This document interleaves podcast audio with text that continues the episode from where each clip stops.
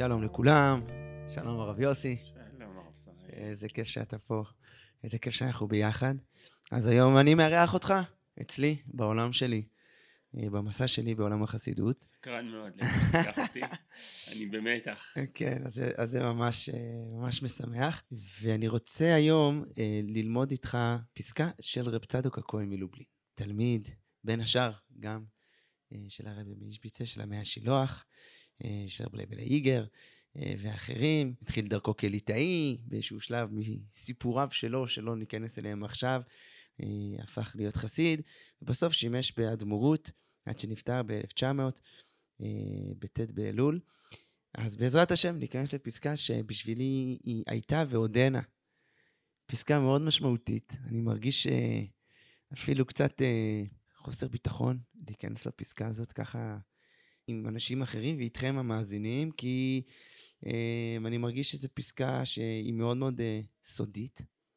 אה, בלעז יש שיגידו רדיקלית, אה, ואני מרגיש שיש פה סוד. יש פה סוד וננסה ככה ללכת איתו ביחד, לפענח אותו, או לפחות אה, לבאר את הסוד, גם אם לא נגלה אותו לגמרי. יאללה, בעזרת השם. יאללה, בעזרת השם. שיהיה לטובה, שיהיה לברכה. אז אנחנו בצדקת הצדיק, אה, אות מ', אות מ'. אומר רבי צדוק, עיקר התשובה הוא עד שיאיר השם עיניו, שיהיו זדונות כזכויות. רוצה לומר, מסביר רב צדוק, שיכיר ויבין שכל מה שחטא היה גם כן ברצון השם יתברך.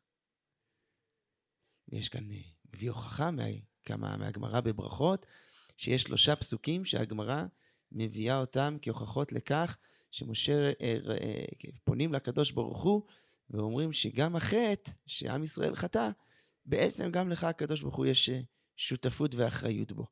אחד במלכים, ואתה הסיבות את ליבם אחורנית.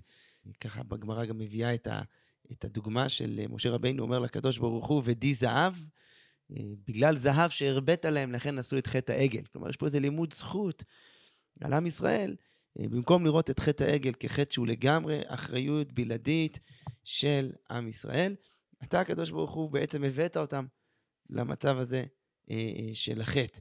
ממשיך רב צדוק ואומר, וכטעם ידיעה ובחירה, שביער האריזל, ששניהם אמת. כל אחד במקום בפני עצמו. במקום הבחירה, שם אין מקום לידיעה. במקום הידיעה, שם באמת אין מקום לבחירה. וכשמשיג לאור זה העצום, אז שבו כל זדונותיו בלתי יוצאים מעומק ידיעת השם יתברך, והוא ודעתו ורצונו הכל אחד.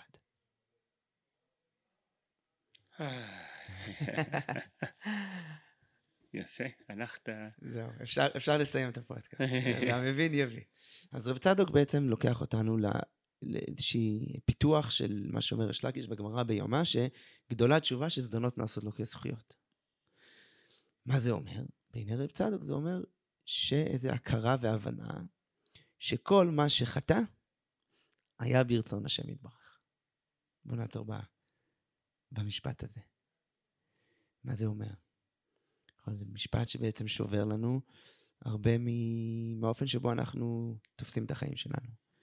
וגם האופן שבמידה רבה התורה תופסת את החיים שלנו, שמבוססת על בחירה ואחריות. אם אני חוטא, אז אני חוטא. ממילא אני גם אחראי. וזה מוליד את כל התהליכים שאני עכשיו, אם אני רוצה לתקן, ומה אני רוצה לתקן, ומה אני עושה עם החטא הזה, זה מוליד איזשהו מסלול מסוים. כאשר פתאום מישהו בא ואומר שהחטא הוא גם ברצון השם יתברך. מה זה אומר פתאום? נכון, זה פתאום מערער בצורה מאוד מאוד חזקה על תפיסת האוטונומיה שלי, על תפיסת האני הבוחר. אמ, יש פה באמת את הקונפליקט של בחירה וידיעה, כמו שהוא מסביר. אז באיזשהו מובן הרמב"ם אומר לנו שיש לנו יסוד שאנחנו מאמינים שיש בחירה חופשית, אבל אני מחויב להאמין שהקדוש ברוך הוא גם יודע את הכל, אין לי דרך לפתור את זה. ורב צדוק בשפה הקיומית שלו אומר, שניהם נכונים.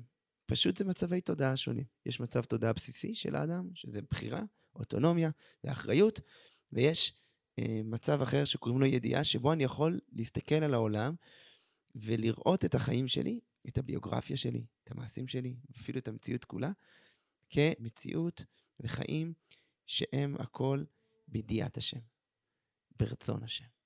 והם לא מנותקים ממנו בשום צורה. וזה לוקח אותנו פתאום להרבה מאוד שאלות, איך מתייחסים אחרת לחטא. ואיך מתייחסים לחיים שלנו. אני רוצה אולי להגיד שני דברים שאני זוכר שבפעם הראשונה שפגשתי את הפסקה הזאת, למה הם, הם מבחינתי לא רק היו מה, פסקה מערערת, אלא פסקה פותחת. מה זה פתח בי? אחד, זה גרם לי להסתכל על הביוגרפיה שלי ועל החטאים שלי ועל הנפילות שלי, ופתאום לשאול שאלות אחרות. במקום אה, לדחות אותה, להתבאס על הביוגרפיה שלי, להסתכל על העבר שלי ולהגיד, אה, איזה חבל שעשיתי ככה וככה. ובזבזתי זמן וכוחות חיים ועשיתי שטויות. פתאום אני מבין אה, שהחלקים האלה מהחיים שלי הם גם ברצון השם. קודם כל, אני לא מבין למה. אבל עצם הידיעה הזאת גורמת לי, אה, או הפתיחה או המחשבה הזאת גורמת לי אה, לרצות להאזין לכל מיני חלקי חיים שבי, שהיו בי, שעשיתי, שקרו לי, שעד עכשיו דחיתי אותם. עד עכשיו הייתי במלחמה מולם, עד עכשיו ניסיתי להכחיש את קיומם. ופתאום שאלות ששוב, ש- שאסור לשאול אותן, נכון? אבל, אבל מה הרווחתי מזה? מה הרווחתי מזה? איזה שראל אני עכשיו, שלא הייתי, הייתי פשוט שראל אחר אם הייתי עושה דברים אחרים. אז תשובה אחת זה להגיד, נכון, היית שראל אחר, היית שראל יותר טוב. אבל זה באיזושהי הבנה שלנו שאנחנו יודעים מי זה השראל הכי טוב שיכול להיות. והוא יכל להיות יותר טוב אם רק בתיכון היית עושה ככה וככה, או רק במשך החיים שלך היית עושה ככה וככה, ובמהלך חייך היית עושה ככה וככה. ופתאום יש איזו הבנה של, אני לא יודע בהכרח מי הוא השראל הכי טוב שיכול להיות, הקדוש ברוך הוא יודע.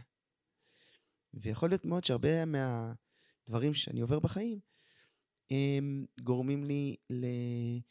אה, הם, הם מביאים אותי למי שאני היום. ואני צריך לשאול את עצמי איזה איכויות יש בי היום, שלא היו יכולות להיות בי לולי גם הצדדים הפחות מחמיאים בביוגרפיה שלי. זה חלק מהערך המוסף שיש, שאני מביא איתי לשולחן. דוגמה, אם אני... אה, טוב, פה דוגמאות זה כבר יהיה קשה.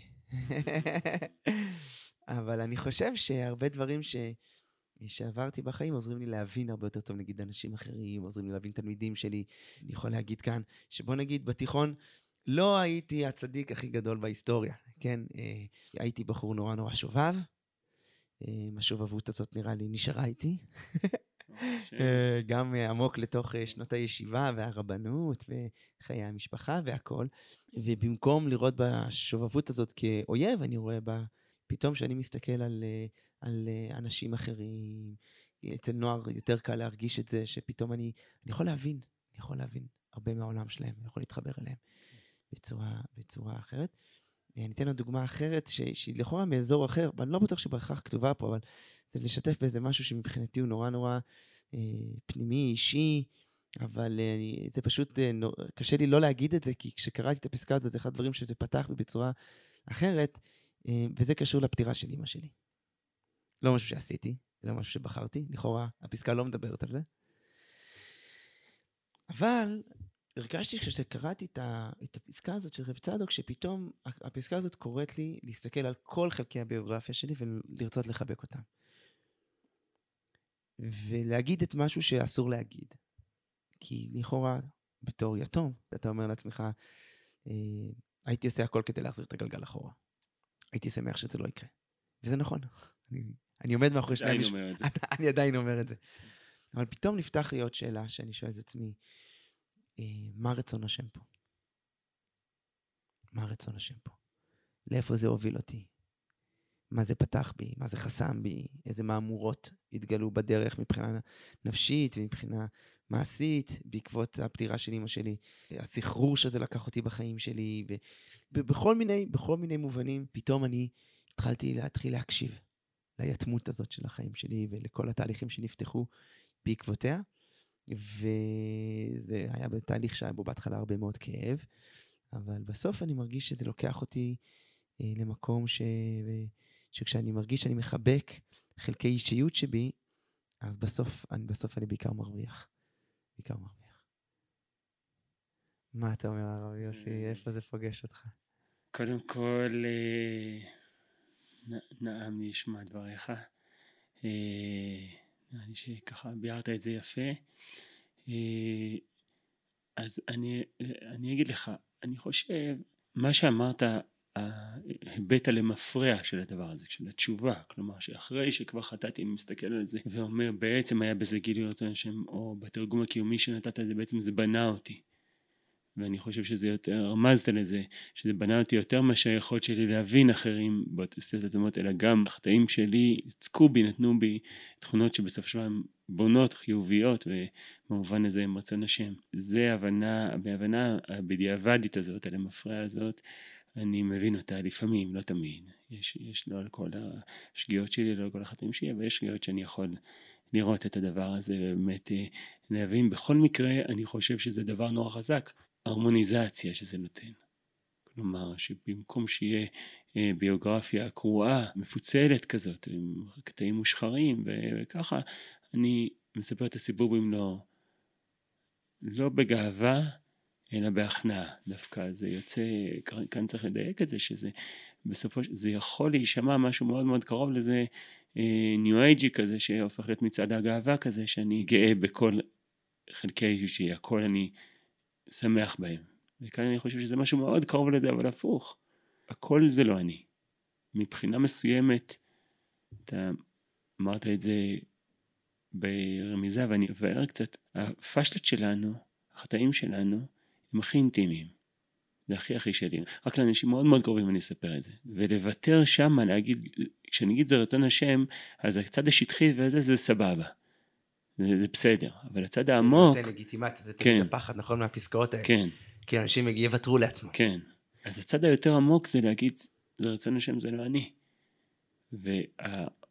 וההפקרות העמוקה במובן החיובי של המילה, זאת אומרת שאני מפקיר את האישיות שלי, האישיות מתמסרת לגמרי, אני רואה את עצמי לגמרי כצינור, היא מתבטאת בצורה הכי חזקה, דווקא אם אני אוכל להגיד שהחטאים שלי הם לא אני.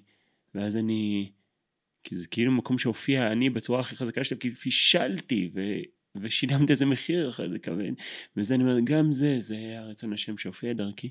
זה המובן שזה זה מאוד מדבר אליי הדבר הזה. פחות המובן של הסבבה וההשלמה, המובן נקרא לזה הניו אייג'י של ה... שיכול לקחת את זה, אלא האווירה שהיא קרובה מאוד אבל כמעט הפוכה, שזה המובן של התודעה הצינורית. תודעה של אני כ... כמופע של רצון השם, וכולי כולל הבחירות הכי...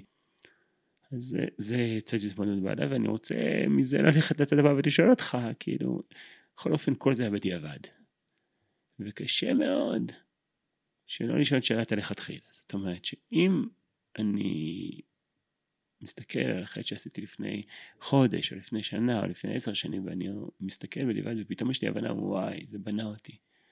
אני רואה במציאות איך זה ממש היה רצון מה יקרה, איך זה ישפיע על הצומת הבאה, שהפעם הבאה שאני אעמוד לפני בחירה שבין טוב לרע, שזה כמובן החשש הכי גדול מהפסקה הזאת, זה היה חשש כמו שאתה נמצא בגוף הפסקה, שהחשש שאדם יוביל אדם לניאליזם, לקדש בחירות, אה, אז איך אתה רואה את היחס בין הדיעבד ללכתחילה בחיים שלך, איך אתה, או זה משפיע עליך, זה לא משפיע, זה מערער את ה... את המקום לבחור בטוב בלכתחילה, או שזה לא מערער. כן, יופי, זה, זה באמת השאלה, שאלת השאלות, נכון? ש, של לכתחילה, ופה... אני, אני, אגיד מה, אני אגיד מה רב צדוק אומר על זה, ואני פשוט נורא מזדהה איתו. אז ממש, אה, מי שהזדמן לו לראות אה, אה, ממש כמה פסקאות אחר כך, באות, באות מ"ג, אומר רב צדוק את הדבר הבא. שהוא מדבר על הלכתחילה, אם אני יכול לקחת את זה לכתחילה, הוא אומר, אבל האדם עצמו אין יכול להעיד על עצמו בזה.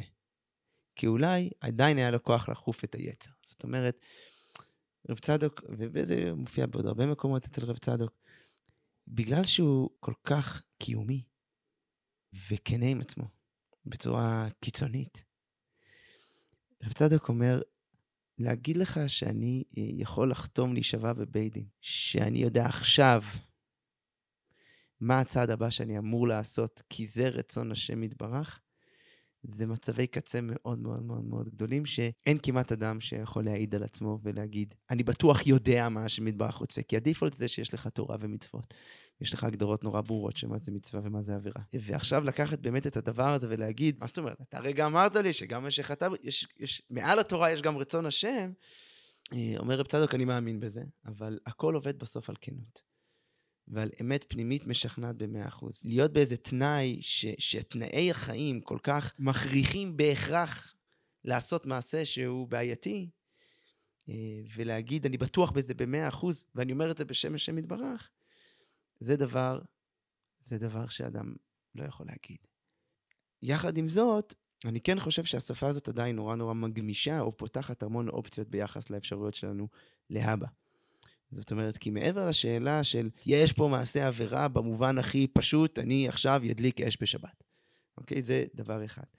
אני חושב שרוב החיים שלנו מתנהלים בשטח שהוא, לא יודע להגיד אם אפור, אבל ההגדרות שמה התורה רוצה ממני, מה שיש לה, לתורה שבעל פה, גמרא, וזה ככה להלכה, להגיד לנו בהכרח מה יהיה הצעד הבא שלי, יש המלצות, כאילו, דברי חסידות, ותעשה ככה, ותלך לאזורים יותר טובים, יש כל מיני הדרכות בחז"ל שאתה יכול להגיד, וואלה, לכתחילה באמת ככה צריך לעשות, אבל שפתאום רצון השם זה איזה משהו שהופך להיות מושג שאני יכול לדבר אותו, מושג שהוא הופך להיות רלוונטי בשיקולים שלי, שהוא מתגלה אלינו דרך ההכרה שלנו, דרך, כמו שדיברנו פעם אחת על הלב, אה, אז פתאום נפתחות עוד אופציות, ואז אני חושב שזה נותן אה, איזושהי הסתכלות הרבה יותר אה, מולטי-רבדית כזאת של, של המציאות והבחירות שלי. מה אתה אומר? אני... אתה לא משתכנע. לא, אני לא, לא שאני לא משתכנע, אני פשוט... קודם כל... זה הופך להיות פחות. אמיתי בעיניך? לא, לא, לא, לא, לא שזה הופך אמיתי, אני מבין מאוד מאוד את הדבר הזה. יותר מזה, אני אחזק את מה שאמרת ואני אגיד, ההבחנה הזאת של צדק בן דוד דרך התחילה היא נורא עמוקה, היא לא רק טכנית, לא, היא לא רק פחדנות אורתודוקסית, היא באמת עמוקה כי אם באמת אני צינור, אני לא יכול לדעת. תודעת צינור היא במהות מדברת על דיעבד, כי היא אומרת מה שקרה זה רצון השם. עכשיו כשאני צריך להכריע ועכשיו אני מרגיש שרצון השם הוא א' וההלכה אומרת לי ב', זה כבר שאלה אחרת, אבל זה לא קשור לתודעת צינור. לדעת צינור היא מדברת על ענווה עמוקה והכרה עמוקה שאם זה קרה, גם אם זה לא מתאים לתורה, גם אם זה לא מתאים למצוות, זה רצון השם. ולמה מלכתחילה לא? ולכתחילה, עכשיו לא קרה כלום, אתה צריך להחליט. אז אם אתה צינור... כי הבחירה בידיך. הבחירה בידיך, אז זה כבר שאלה אחרת, נוספת, של האם כשאדם חש בתוכו שהוא לא קרה, הוא חש שרצון השם, ליבו, כמו שאמרנו בפסקה הקודמת, אומרת לו שרצון השם, זה כבר ערוץ נוסף, זה לא ערוץ של הדתי של העובדות שקרו, העובדות הקיימות הן רצון השם, אלא הערוץ, דיברנו עליו בפרק הקודם שלנו, שמה שליבי אומר לי, ואז זה מוליד את השאלות שלכתחילה. אז בהחלט אני חושב שההבחנה של הרב צדוק בין אה, דיעבד לכתחילה היא גם יושבת על סוג של תודעה דתית אחרת. אבל אני בכל אופן רוצה להגיד לך כן. שכמו שאתה יודע אה, רב צדוק קצת אה, בזה הוא כמו הרבה פעמים תלמיד שקצת מעגל את מורו ורבו נכון. ומורו ורבו האישוויצר גם כן נמצאים אצלו הרבה תורות בסגנון הזה ושם הניואנס זה עדין אבל הניואנס הוא יותר פותח גם את האפשרות לכתחילה.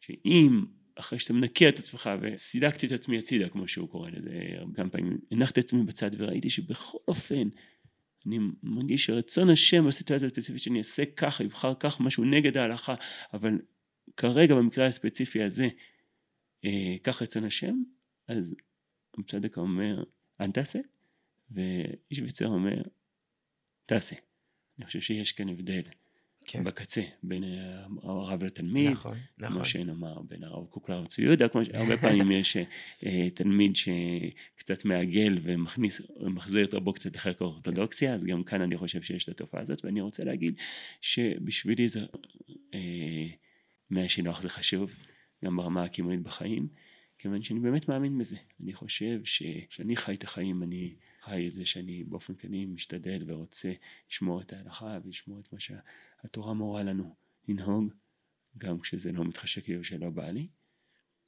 אפילו שזה דורש הרבה הקרבה, אבל יש, אני מאמין בזה, ואני קורא לי, שיש רגעים ספציפיים שבו אתה מגיע, יש לך איזה בהירות שהשם רוצה ממך משהו אחר ואתה נוהג אחרת. אתה עושה בניגוד להלכה כיוון שכאן השם רוצה אחרת. הרמב"ם אומר בהקשר אחר, אבא שלי היה מצטט את זה הרבה, שהתורה היא אה, הנחיה באופן כללי איך נכון לחיות את החיים. אבל יש יוצא מן הכלל. יש יוצא מן הכלל. איך נדע את זה? זה שיא המסוכן מה שאמרת שם. שוב, היוצא מן הכלל הוא לא כי זה נורא קשה לי, לא כי זה נורא לא מתחשק לי, ולא לא כי אני אשלם איזה מחיר כבד, זה עדיין לא עושה דבר, דבר לא יוצא מהכלל. היוצא מהכלל הוא יוצא מהכלל דתי. יש פה ערך חיובי שאני רוצה לקדם. ש, שזה, כן, אבל אני... זה ניצוץ. אני, אולי, אבל זה כבר, אני לא מרגיש ערכים, אני לא כל כך בשפה של ערכים, אני נשאר בשפה של אה, אה, המקורית של השייך עצמו, אני, אני יש איזו בהירות, הבנה, תחושה פנימית, שזה רצון השם בסיטואציה הזאת. אז נראה לי שקצת הפער בינינו בניואנסים כאן, אבל אולי ניואנסים חשובים בתוך הדבר הזה שלכתחילה הוא קשור קצת לפער בפרק הקודם אה, ביחס לאמון אה, לכל השם המופיע בלב, שמה שהלב אומר, דברי השם יתברך ממש, אז אה, אני עוד מציע ללכת על זה עוד קצת יותר חזק. וואו.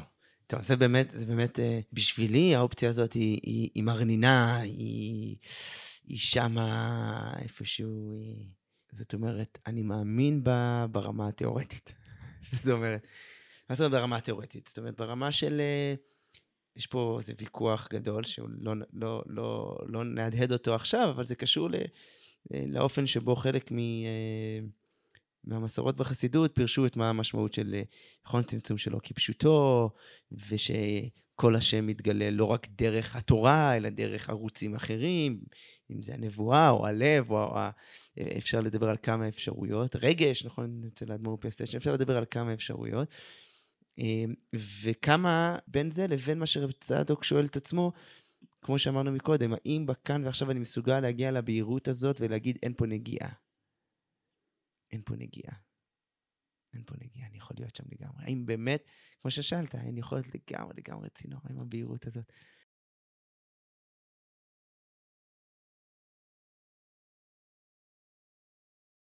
אני, אני רוצה אולי אבל לתת עוד איזושהי דוגמה שקצת תחלץ אותנו מה, משתי האפשרויות הרגע שאמרנו, דוגמה שאני חושב שיהיה אפשר גם אחר כך להרחיב אותה, אני אגיד את זה בקצרה.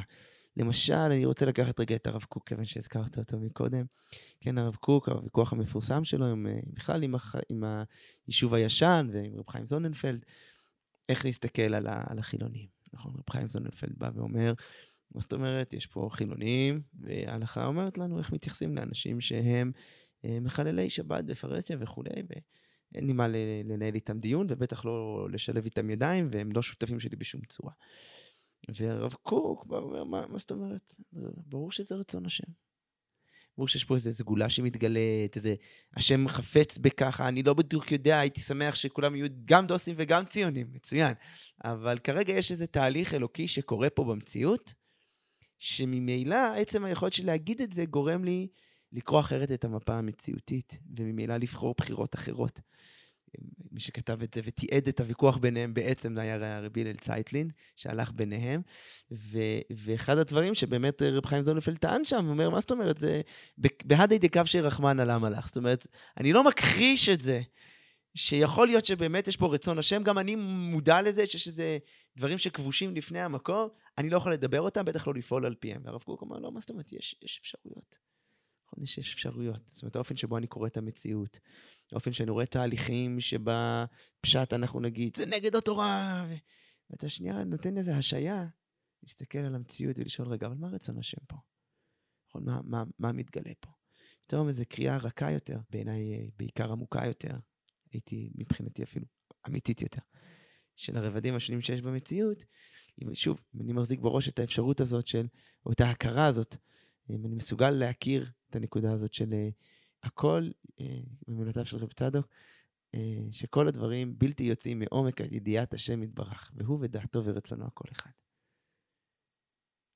כן, האנלוגיה היא נחדד את השאלה באנלוגיה, אז ודאי שאנחנו, אנחנו, אולי גם רבים משומענו, הם רואים את עצמם במחלוקת הזאת כתלמידיו של הרב קוק ולא תלמידיו של הרב זוננפלד, ומבינים את ה...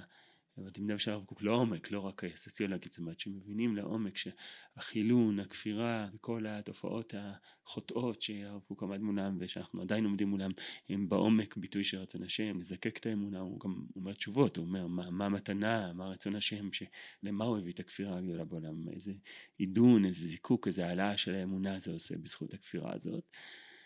וגם כאן נשאלת השאלה, אם אני תלמידו של הרב קוק, האם אני גם בתוך עולמי שלי, לא רק ביחס אליהם, אל אותם חילונים, משהו מתעדן או משהו נעשה משלים יותר כיוון שאני רואה בהם גם מופע של רצון השם. זה צד ראשון שאותו הרב קוק דיבר הרבה. כאן יש עוד צד יותר זה, האם גם בתוך עולמי שלי נכנסת איזושהי כפירה. אם זה רצון השם, אם הכפירה מעניינת את אמונה, אז גם אני צריך להיות קצת כופר.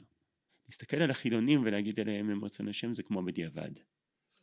ולהבין, לכן אני צריך למצוא או לקדם את עולמי הדתי דרך שיהיה בי, זה, זה כבר להפוך את זה לכתחילה, וזה מחלוקת עמוקה גם שם, גם בזירה הזאת, שאני חושב שהרב קוק עצמו פחות הלך למקום הזה, הוא היה כמו צדוק נגיד ככה, ואני חושב שאפשר להיות יותר הרב קוק מהרב קוק, כאילו. לא, בזה אני מסכים איתך, בזה כן. אני לגמרי שם, לגמרי שם. אז אה, אני, אני רוצה אולי ככה, לסיום, אולי אה, להציע, להציע התבוננות לכל מי שמאזין לנו. באמת עבודה שכפי שאמר רב יוסי, יש בה משהו תובעני. זאת אומרת, זה נראה סבבה. אז אני מזהיר מראש אזהרת טריגר, אה, זה תובעני ביותר. תתבוננו על עצמכם, על אותם חלקים שעד היום אתם בטוחים שהם לא יכולים להיות חלק ממי שאתם כעובדי השם, ממי שאתם כיהודים, מי שאתם כאנשים בעולם, ותנסו לשאול את עצמכם איזה איכויות בכל זאת יש באותם חלקים שבי, אותם היבטים שבי, תכונות, אה, משהו מהביוגרפיה שלי שאני, כמו שאמרנו מקודם, שאני לא גאה בהם, אבל הם הופכים אותי להיות מי שאני במובן של הייחודיות, אה, שאותה אני יכול להביא לעולם. מה השם יתברך רוצה ממני? במובן הזה ש, שאני מביא לשולחן, שאני נפגש עם חברים בתוך הבית, עם הילדים שלי, עם אשתי, עם התלמידים שלי, עם השכנים שלי, בכל מעגל שאני, שאני חי בו, בסוף כל מה שצברנו לאורך החיים יכול להפוך להיות זכויות. כן, אני המילים האלה של הגמרא, שגם הזדונות, בסוף אם עובדים איתם נכון, וחלק מלעבוד איתם נכון זה להבין שיש פה רצון השם, עצם החיים בתודעה הזאת יכול להפוך הרבה מאוד דברים שאנחנו חווים כזדונות, כדברים שאנחנו לא רוצים, יכולים להפוך לזכויות, לא רק במובן של מה שנרשם בשמיים. נכון, לא, יש לי וי במקום איקס, אלא זכויות במובן של לזכות את הרבים. זה הופך אותי להיות זך יותר, וזה ממילא גם יכול לזכך יותר את, ה, את המציאות, ואת ה, ותאמינו בזה, ותביאו את זה איתכם. אז זה מה שאני רוצה להזמין אתכם, להתבונן בו. מה אתה רוצה להוסיף? ככה. ככה. בלונית יפה. בעזרת השם. שיהיה לרצון. ניפגש בפרק הבא שלנו.